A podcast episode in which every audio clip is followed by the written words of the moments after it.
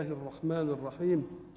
الحمد لله رب العالمين والصلاة والسلام على أشرف المرسلين وخاتم النبيين ورحمة الله للعالمين سيدنا محمد وعلى آله وأصحابه أجمعين. وبعد فقد وقفنا في اللقاء السابق عند خواطرنا حول قول الحق سبحانه وهو القاهر فوق عباده. الحق سبحانه وتعالى حين يتكلم عن ذاته ونفسه يتكلم بضمير التكلم مرة وضمير التكلم إما أن يقول إني إنني أنا الله وإما أن يقول إنا نحن نزلنا الذكر ومرة يتكلم عن ذاته بضمير الغيبة. وضمير الغيبة هو قوله هو لأن ضمير التكلم معه دليله. المتكلم يقول أنا إذا لا تقول من أنت. ويخاطبك فيقول أنت إذا فلا تقول من أنا. لكن الذي يتكلم بضمير الغيبة لا بد أن يعود الضمير على مرجع لهذا الضمير. هو اللي هو مين؟ ولكن الحق سبحانه وتعالى حين يتكلم عن ذاته بضمير الغيبة يريد أن يبين له لنا أنه في أجلى مجال المشاهدة والحضور. فكأنك فكأنه إذا قال هو لا تنصرف إلا إلى ذاته العليا.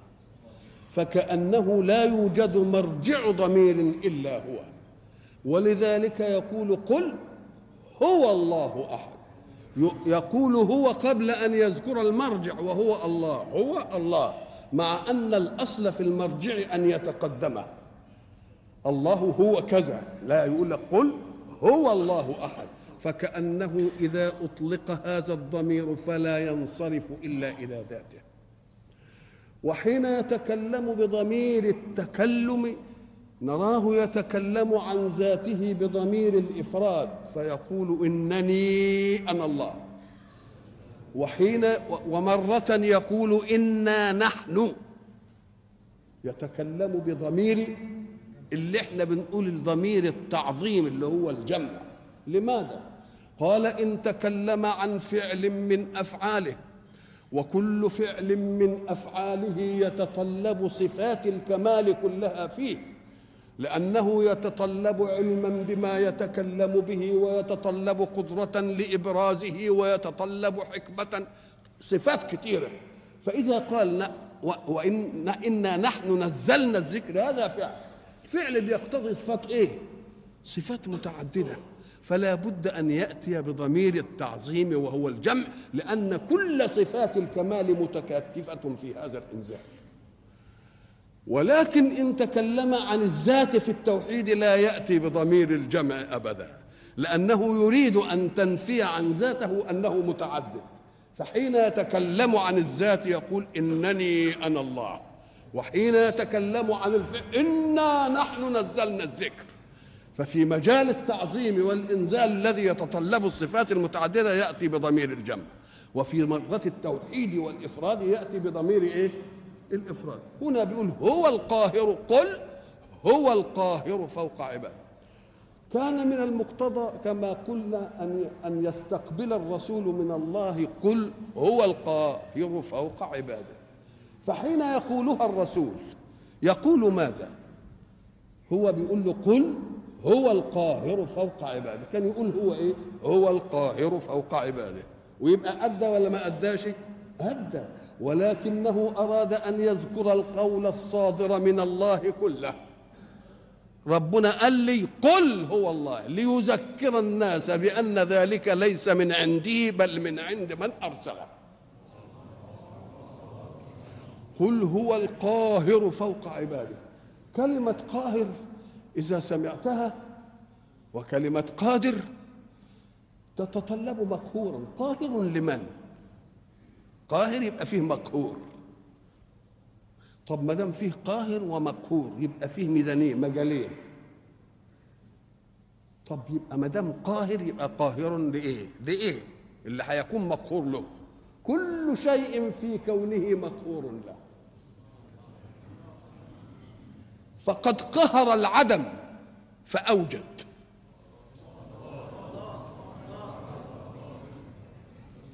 وقهر الوجود فأعدم. وقهر الغنى فأفقر. وقهر الفقر فأغنى.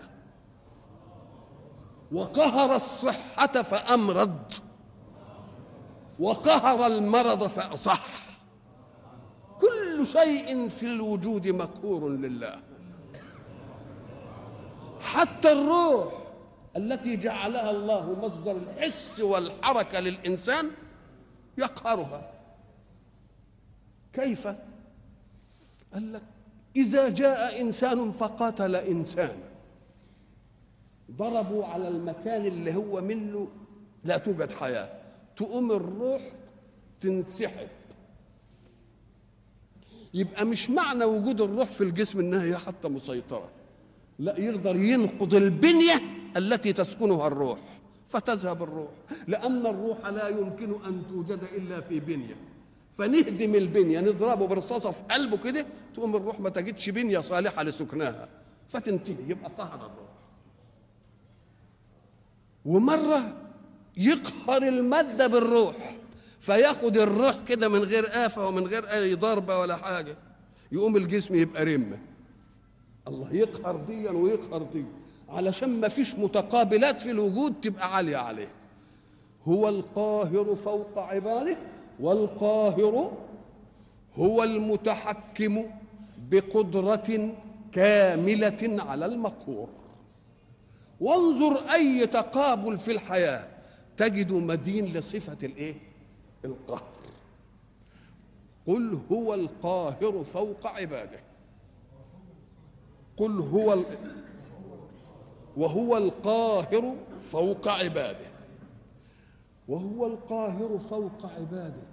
كلمة فوق تقتضي مكانية.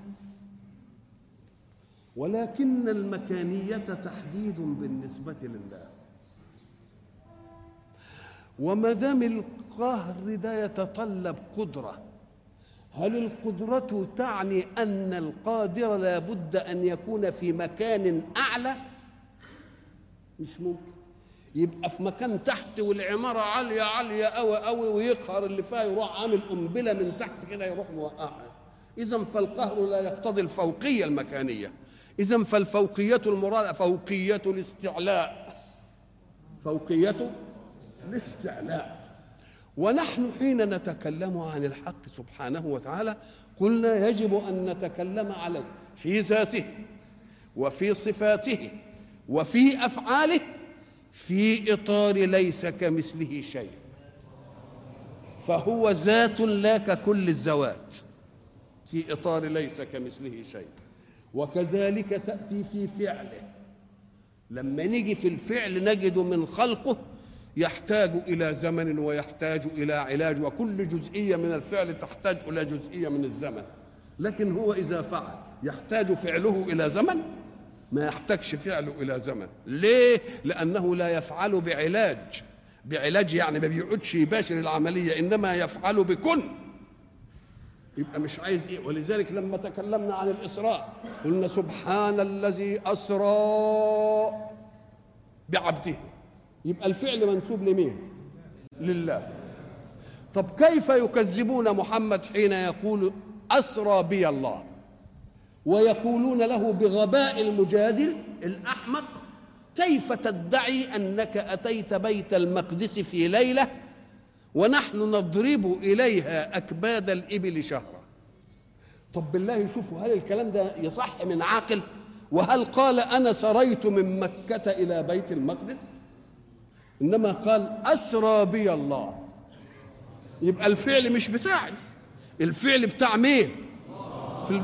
وما دام فعل الله تبقى بتقولوا لي ونحن نضرب إليها أكباد الإبل وتدعي أنك أتيتها. أنا لم أدعي أني أتيتها وإنما أقول أنا أتي بي لها. سبحان الذي أسرى. يبقى الإسراء لمين؟ يبقى إن صعبتم المسألة فصعبوها بالنسبة لله مش بالنسبة لي لأني لا أمر لي في هذا الأمر. أنا بقول أسرى بي الله وربنا قال سبحان الذي أسرى بعبده. وإذا كان الفعل من الفاعل زمنه يتناسب مع قدرة الفاعل كلما قويت قدرته كلما قل زمنه. فانسب فعل الله إلى الزمن. فعل لما تيجي تقول إحنا هنروح من هنا للإسكندرية على حصان هنروح في سيارة يبقى الزمن أقل في طيارة أقل في إيه؟ في صاروخ يبقى أقل. الله. اذا الزمن يتناسب مع القدرة الفاعلة تناسبا عكسيا. فكلما قويت القدرة قل الزمن. فإذا كان الأمر كذلك فانسب الفعل إلى قدرة الحق لا تجد زمنا. فإذا سمعت كلمة فوق يبقى أعرف إن فوقية مناسبة لذات فوقية الاستعلاء ولا تقولش ربنا فانا حتة لأن حتة كلمة فانا حتة دي تقتضي المكان. والمكان مخلوق له. ده هو كان قبل أن يوجد المكان لأن المكان والزمان إنما يأتيان بالأحداث. حين لا يوجد حدث فلا يوجد زمان ولا إذا قبل ما يخلق الحوادث دي يبقى لا زمان ولا إيه ولا مكان إذا ما تقولش لا أين ولا متى لأن أين ومتى به وجد. فلما تسمع كلمة فوق دي ما تنخضش تقول له ده إحنا بنعملها كده لنهاية العلو بس. إنما لو عملت كده ولذلك إيه فاينما تولوا وجوهكم فثم وجه الله. اوعى تفهم إن ربنا هنا ولا إزاي بقى؟ قال لك إحنا ساعة تأتي أشياء تبقى فوق العقل. يوم الحق سبحانه وتعالى رحمة بعباده يقربها لنا بمحسات. شيء محس كده عشان يقرب لنا الصورة. ولذلك إحنا قلنا بالأمس أنه قرب لنا صورة الموت والبعث بما نجده في حياتنا من النوم واليقظة. إدانا صورة من المحسوس المعروف لنا. فكذلك في هذه المسألة أين ومتى بالنسبة لنا يقول لك تعالى روحك بها حياتك. طيب. وإذا ما دام روحك بها حياتك وهي التي تدبر أمر هذا الجسم كله وإذا خرجت منه صار رمة وترابا وعناصر ولا ولا قيمة له بيحصل كده ولا ما بيحصلش؟ بيحصل. طيب. حين توجد الروح فيك وتنشأ منها الحياة وتنشأ من الحياة الحركة والإرادة والعملية دي كلها أين روحك من جسمك؟ أهي في الرأس أهي في البطن أهي في الصدر أهي في الإيد ما فيش لها مكان. فإذا كان مخلوق له لا مكان له في جسمك فكيف تقول للخالق أين مكانه؟ ما تجيبش دي ما تجيبش دي ابدا. اوعى تيجي على بالك دي ابدا. اذا وهو القاهر فوق هو القاهر فوق عباده. تبقى قهر الاستعلاء. قهر ولذلك لما يجي يقول لك إيه؟ ينزل ربنا إلى سماء الدنيا. كل ليلة من آخر رمضان ولا ينزل إلى سماء الدنيا يقول هل من هل من هل من مش كده؟ ويغفر لنا. طيب. كل ليلة ينزل؟ آه طيب كل ليلة ينزل. ليلة مين؟ ليلتك؟ ولا ليلة الإنسان المقابل لك في المكان؟ ولا للإنسان المجاور لك في المكان؟ طب ما هي كل واحد من ألف من ثانية بينشأ ليل وبينشأ نهار. إذا فربك معك دائما باسط لك يدك إمتى ليلة مين؟ ليلتك ولا ليلة المقابل لك؟ ولا ليلة اللي هتشرق الشمس بعد دقيقة عنده ولا اللي غابت الشمس قبل دقيقة عنده إذا ففي كل واحد من مليون من الثانية ينشأ ليل وينشأ إذا هو بل يداه مبسوطتان يبقى مبسوطتان دائما. ما تقولش إن الله يبسط يده بالليل ليتوب مسيء النهار ويبسط يده بالنهار ليتوب مسيء الليل. أي نهار وأي ليل. طب ما هو كل لحظة بيجي ليل ونهار يبقى هو باسط يده إيه؟ دائما. نعم. قل هو طيب هو وهو القاهر فوق عباده. فوق عباده؟ طيب. عباده دي يعني إيه؟ عباده دي من مادة العبودية. عين به دال ومادة العبودية دي اللي مفردها عبد. بس عبد دي مرة تطلق وتجمع على عبيد. ومرة تطلق وتجمع على عباد. فإيه عباد وإيه عبيد؟ العباد هم هم المقهورون لله. فيما لا اختيار لهم فيه. والمنقادون لحكم الله فيما لهم فيه اختيار.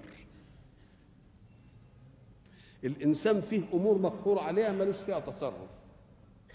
لا له تصرف في نفسه ولا له تصرف في نبضات قلبه ولا له تصرف في حركة المعدة ولا له تصرف في حركة الأمعاء ولا له تصرف في حركة الحالبين ولا له تصرف في حركة الكلية. كل دي بتسأل إيه مسائل إيه؟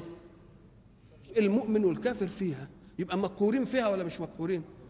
طيب وإحنا قلنا من رحمة الله إننا مقهورين فيها ولا لناش رأي فيها طب إذا كان لنا رأي كده فيه.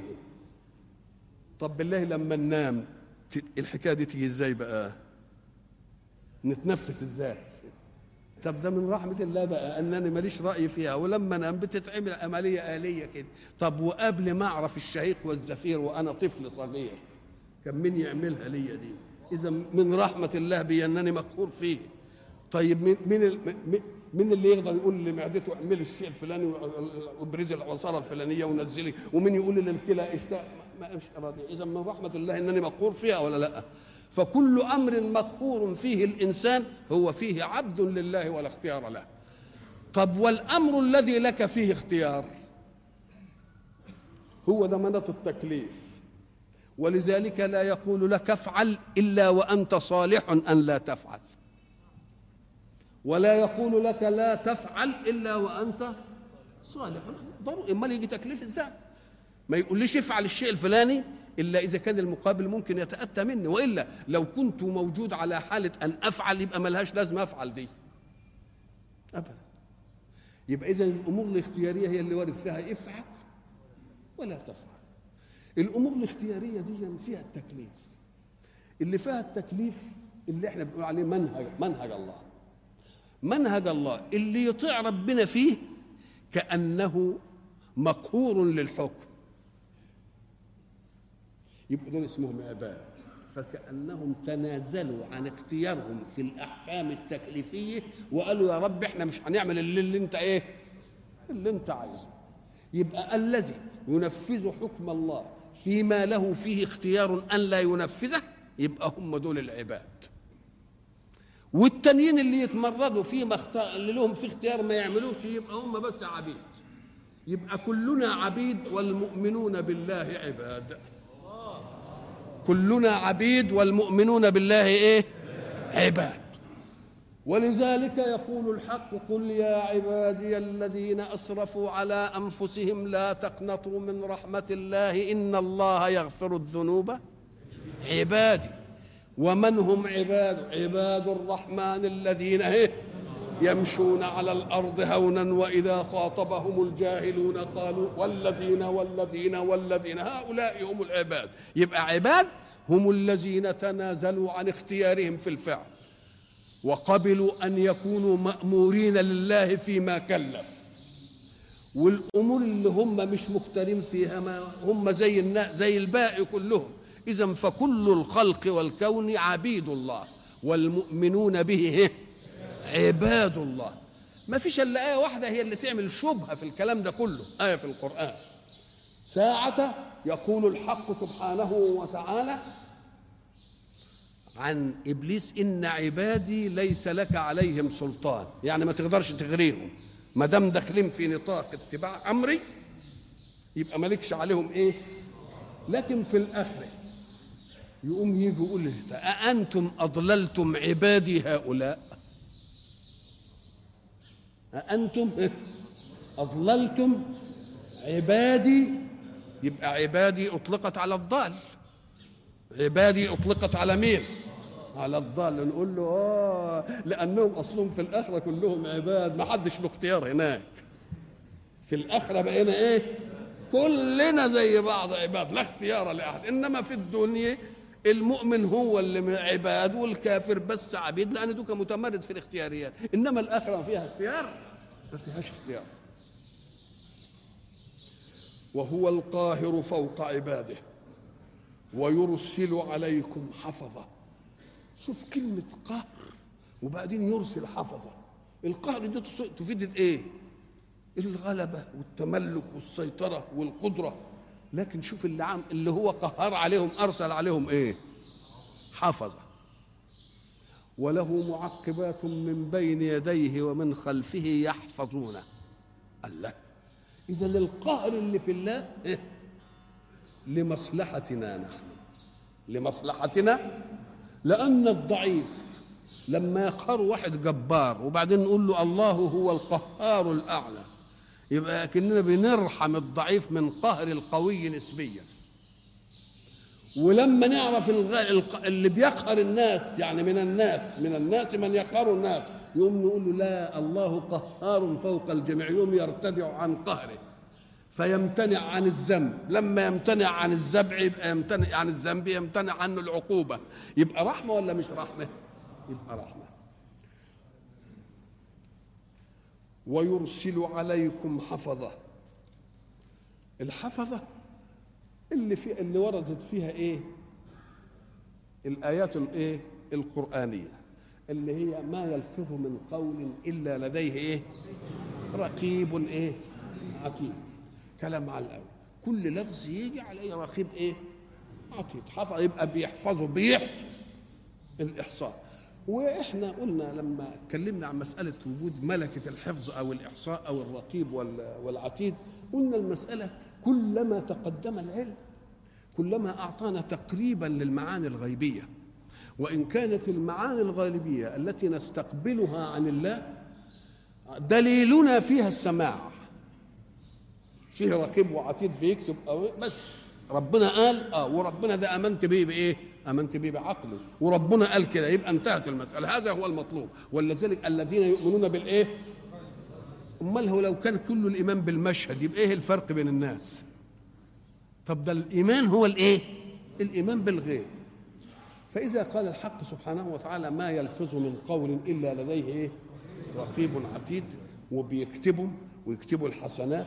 ويكتبوا السيئات نقول له طيب إحنا لما ننظر إلى البشر والبشر محدث وعاجز وله ترقيات في صفات قدراته. يعني ما كانش من الأول قادر على أن يفعل إنما كل ما يتقدم به الزمن ويعرف سر من أسرار الله يبتدي إيه؟ يترقى. كان زمان لما يعملوا مسجل يعملوا مسجل قد كده. مش كده؟ وبعدين كل الزمن ما يتقدم إيه؟ نصغر المسجل. اذا كل ما ما تقدمت الصنعة المسجل إيه؟ لحد ما عملوا مسجل في الساعة. وبعدين عملوا مسجل في فص الايه وعملوا مسجل في بعض الحبوب كده ينطروها في أي حتة لما يكونوا عايزين يجيبوا أسرار جماعة ولا أسرار مجلس قد كده. الله اذا كلما قويت قدرة الصانع كلما دقق الإيه؟ الصنعة المسجل المحسن. فإذا نسبتها لله تبقى بالله المسجل بتاعه ده تشوفه ما تقدرش تشوفه تقدرش تشوفه ابدا تشوفه إزاي؟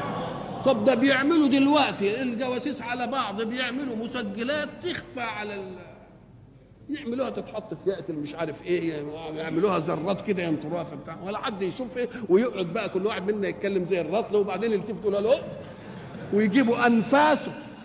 فإذا كان البشر استطاع أن يأتي بمسجلات غير مرئية مع أن قدرته محدودة وحكمه في الصنعة محدود. فإذا قال ربك فيه ملائكة كده أنت مش هتشوفهم غيب كده ويسجلوا عليك أقول له على العين والرأس. مفهوم؟ ما يلفظ من قول إلا لديه رب وهناك كراما كاتبين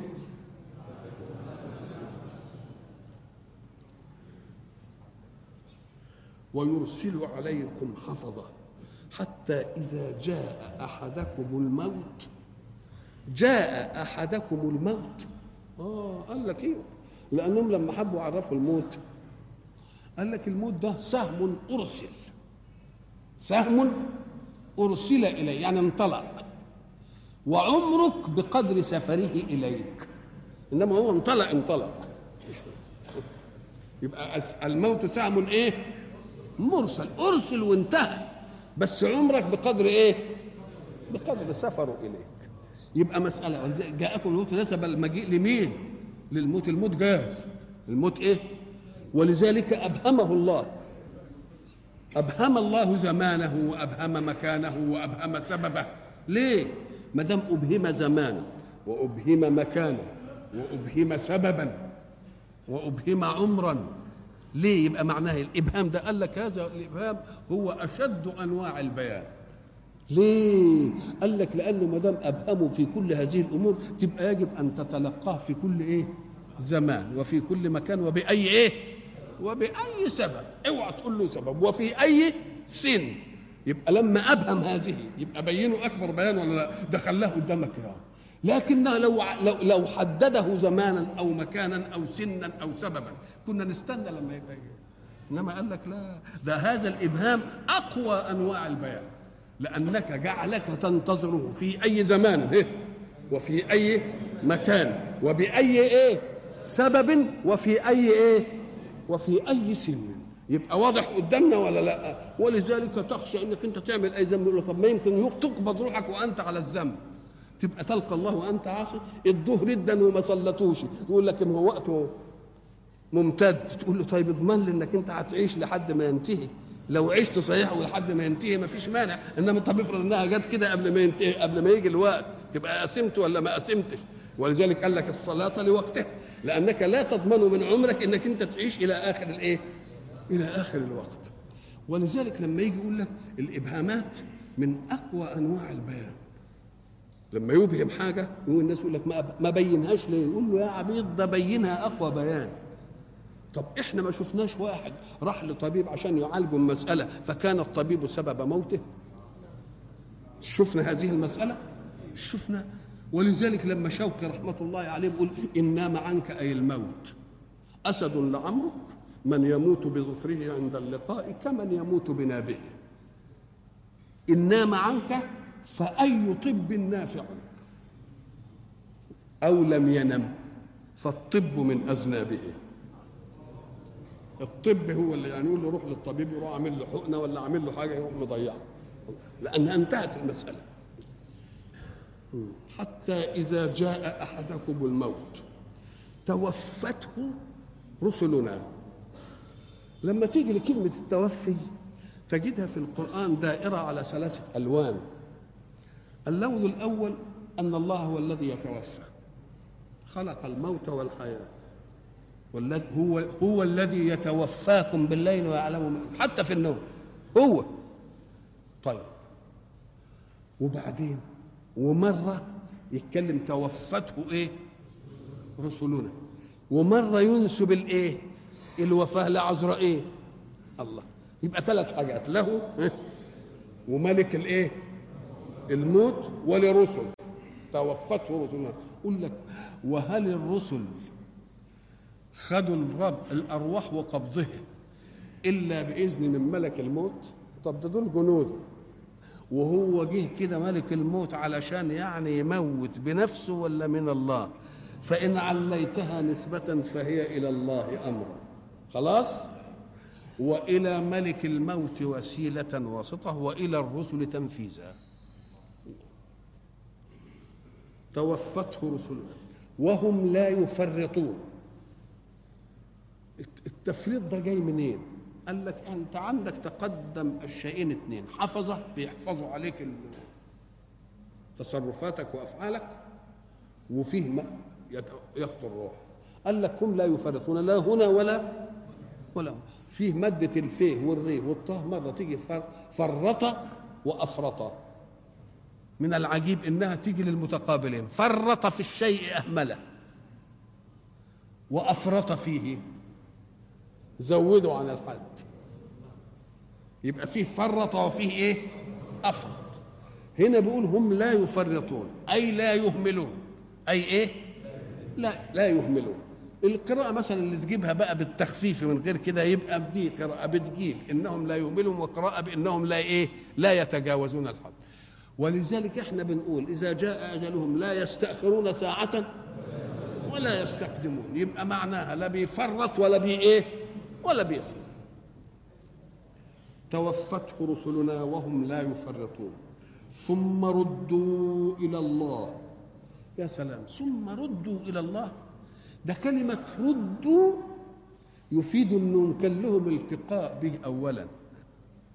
وبعدين هيرجعوا قال لك لأن كانوا منه إيجادا. ثم ردوا اليه منها خلقناكم وفيها نعيدكم ثم ردوا إلى الله. إلى الله مولاهم الحق. مولى كلمة مولى قلنا عليها أنه هو الذي يليك. ولا يليك يعني إلا إلا اللي قرب منك ومعنى قرب منك إن ده مفزع ويبقى قريب. لما يحصل لك أي حاجة يبقى هو ده اللي اللي قريب إيه؟ اللي قريب منك. وينشأ من هذا أنه هو الذي ينصرك. ينشأ من هذا أنه هو الذي يعينك. يبقى كلمة مولى أخذت إيه؟ قريب ناصر معين. تفزع إليه في شدائدك. تقول له طيب ما هي دي قد توجد في الدنيا.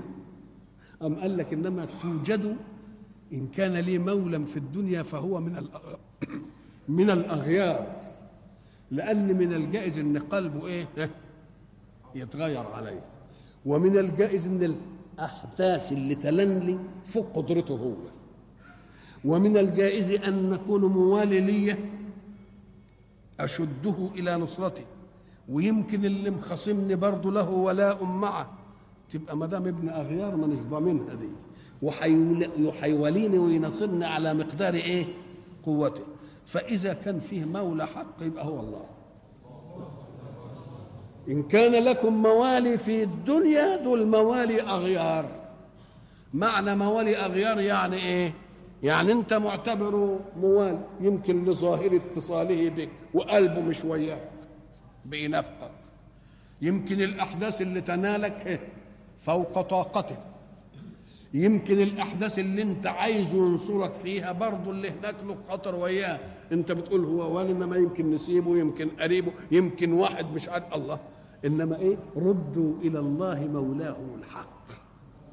يبقى ادي المولى ومن كلمة مولى عندنا تطلق على على السيد يعتق عبده.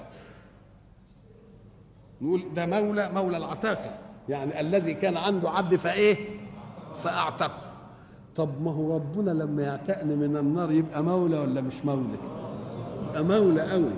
يبقى اذا كل كلمة مولى نقول له هذا هو المولى الحق. وما دام مولى أنا ضامن إن ما فيش قوة أعلى منه. وضامن إن ما ما, يتغيرش لأن الأغيار من طبيعة الخلق وهو ما يتغيرش. يبقى ده المولى الحق ولا لأ؟ ولذلك الحق سبحانه وتعالى كما قلنا سابقا حين يطلب منك إنك أنت يعني تبقى ناصح حين آه، تعتمد على واحد ينفعك في أمورك. اللي إحنا بنسميه التوكل. توكل يعني تقول فلان هو يساعدني فلان غني لما عاوز فلوس يجيبني فلان قوي يبذل فلان عالم لما عاوز مش عارف إيه.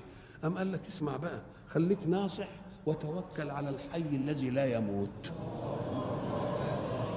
زي ما قلنا زمان ما تتكلش بقى على واحد من الأغيار تتكل عليه وبعدين تصبح الصبح تلاقيه فطس مشي وسابك كده عيني غل- غلبان ولا ليك حاجة. يبقى توكل على مين؟ أهي كلمة وردوا إلى الله مولاهم الإيه؟ مولاهم الحق. ألا له الحكم. مولاهم الحق العبارة الأسلوب يقول مولاهم الحق اللي له الحكم له الحكم. الله. وله الحكم ده جاي ليه؟ قال لك آه لأنه في دنيا الأغيار قد يسند بعض الأحكام إلى بعض خلقه ما هو ده بيحكم وده بيتصرف وده بيعين وده بيرفد وده بيجيب وده بيقول وده بيحبس وده بيعمل. لهم أحكام ولا لأ؟ لهم؟ لكن في الآخرة لمن الملك اليوم؟ أنت في الدنيا تملك.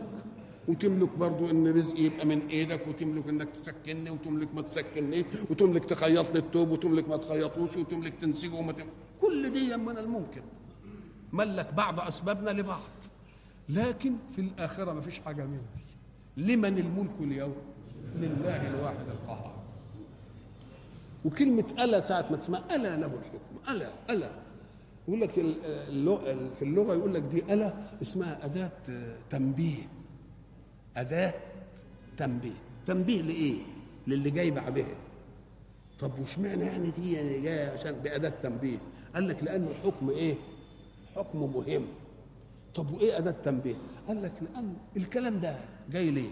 الكلام واسطة بين متكلم ومستمع والمتكلم ينقل أفكاره وخواطره ومطلوبه إلى السامع والمتكلم قبل أن يتكلم يدير الأمر في رأسه يتكلم وما يتكلمش هيتكلم بإيه وهيتكلم إنما السامع بيفاجئ ولا لأ؟ آه. يبقى الكلام واسطة بين مين بين متكلم وسامع. المتكلم ينقل خواطره إلى السامع. قبل ما يتكلم وينقل خواطره وتوجد نسبة كلامية من عنده بتوجد نسبة ذهنية ولا لأ؟ هيكلم وهقول له كذا وهقول له كذا. الله يبقى أنت عشت في مشروع الكلام قبل ما تتكلم. لكن السامع مفاجئ. طب افرض إنك عايز تقول له حاجة مهمة. على ما تيجي تتكلم بالمهم يمكن على ما يتنبه تكون فاتت منه جزئية. يقوم قبل ما يكون الخبر مهم تقول لا نبهه بخارج عن الخبر. نبهه بإيه؟ بخارج عن يقول ألا ساعة ما يقول ألا. يبقى خدت انتباهه في غير إيه؟ في غير مطلوب. وبعدين يقول له الحكم. يبقى وردت له الحكم وكله إيه؟ وكله انتباه له. لأن الانتباه إيه؟ لكن لما ما يكونش جاب اله ويقول إيه؟ له الحكم. يمكن على ما يتنبه إنك بتتكلم ويجي تسمعه تكون فاتت منه إيه؟ وهو عايز المتكلم يريد ان لا تفوته إيه؟ كلمة يقوم ينبهه بغير مطلوب في الحكم. ولذلك الشاعر اللي كمان زي ما بيقول إيه ألا هبي بصحنك فاصبحين ألا طب ألا دي عشان إيه يا سيدي؟ ما هي هو بيقول للبت هات الكاسات ونشرب ونعمل ومش عارف إيه الصبح ومش عارف إيه. يمكن لما يقول لها هات الكاسات يمكن ما يقوم يقول لها ألا ساعة ما تسمع ألا تعرف إن في تنبيه على أن كلام إيه جاي. يقول لها هبي بصحنك فاصبحين يبقى ما فاتش حاجة إيه؟ منه يبقى هنا ألا له الإيه؟ ألا له الحكم. ألا له الحكم والحكم هو الفصل في بين أمرين. ويختلف الفصل بين أمرين باختلاف الحاكم. فإن كان الحاكم له هوى يبقى إيه؟ يميل. ولكن الفصل بين الأمرين يجب أن يكون بلا إيه؟ بلا هوى. أنت عارف الميزان؟ الميزان له إيه؟ كفة هنا وكفة هنا وله قب كده. ساعة ما بده يظبط الميزان بيعمل إيه؟ بيمسك القب كده ويعدله كده علشان يبقى إيه؟ يبقى مساوي. اهدي علشان يضمن الفصل الإيه؟ لأنك بتفصل يعني بين حاجتين ملتحمتين. ساعة ما تفصل بين حاجتين ملتحمتين لازم تكون إيه؟ ما دام عايز تساوي ولذلك بنسميها الإنصاف. مش بنسميه إنصاف؟ إنصاف يعني إيه؟ يعني قف النصف الحق. إياك يا قاضي إنك أنت تروح كده ولا تيجي كده. خليك كده إيه؟ إنصاف. إنصاف يعني هنا نص وهنا إيه؟ وهنا نص. ألا له الحكم وهو أسرع الحاسدين. ساعة ما واحد يسمع ألا له الحكم هيحكم بقى بين الخلق ده من أول آدم إلى أن تنتهي الدنيا وكل واحد مسائله متشبكة مع الغير ومسألة ما تنتهيش. وما دام له الحكم يبقى مش لغيره. وما دام مش لغيره شوف هيحكم بين مين ومين بقى. كتير. قال لك برضه خدها في إطار ليس كمثله شيء. فعله لا يحتاج لزمن. ولذلك لما سئل الإمام علي وقالوا له يا أخي ربنا. هيحاسب الناس دي كلها في نفس واحد بتقول يحاسب العالم بمقدار حلب شاة أم قال لك كما يرزقهم في وقت واحد يحاسبهم في وقت واحد. ودي سهلة ودي إيه الصعوبة فيها يعني؟ الصعوبة ما فيش فيها أبدا طب ما كان زمان لما بيحبوا يقيدوا المسارج هنا مسرجه وهنا مسرجه وهنا مسرجه كان اللي بيقيد المسارج الوقاد يمشي على دي ويجيب البتاع ويحطها. ويحطها وبعدين يا أخي ارتقى العقل البشري المخلوق لله في إنه هو يقدر يقيد دي كلها اتقادت كلها ودي فيها إيه يعني؟ مسألة سهلة أوي. وهو أسرع الحاسبين. قل من ينجيكم من ظلمات البر والبحر؟ من ينجيكم من ظلمات البر والبحر. كلمة ظلمة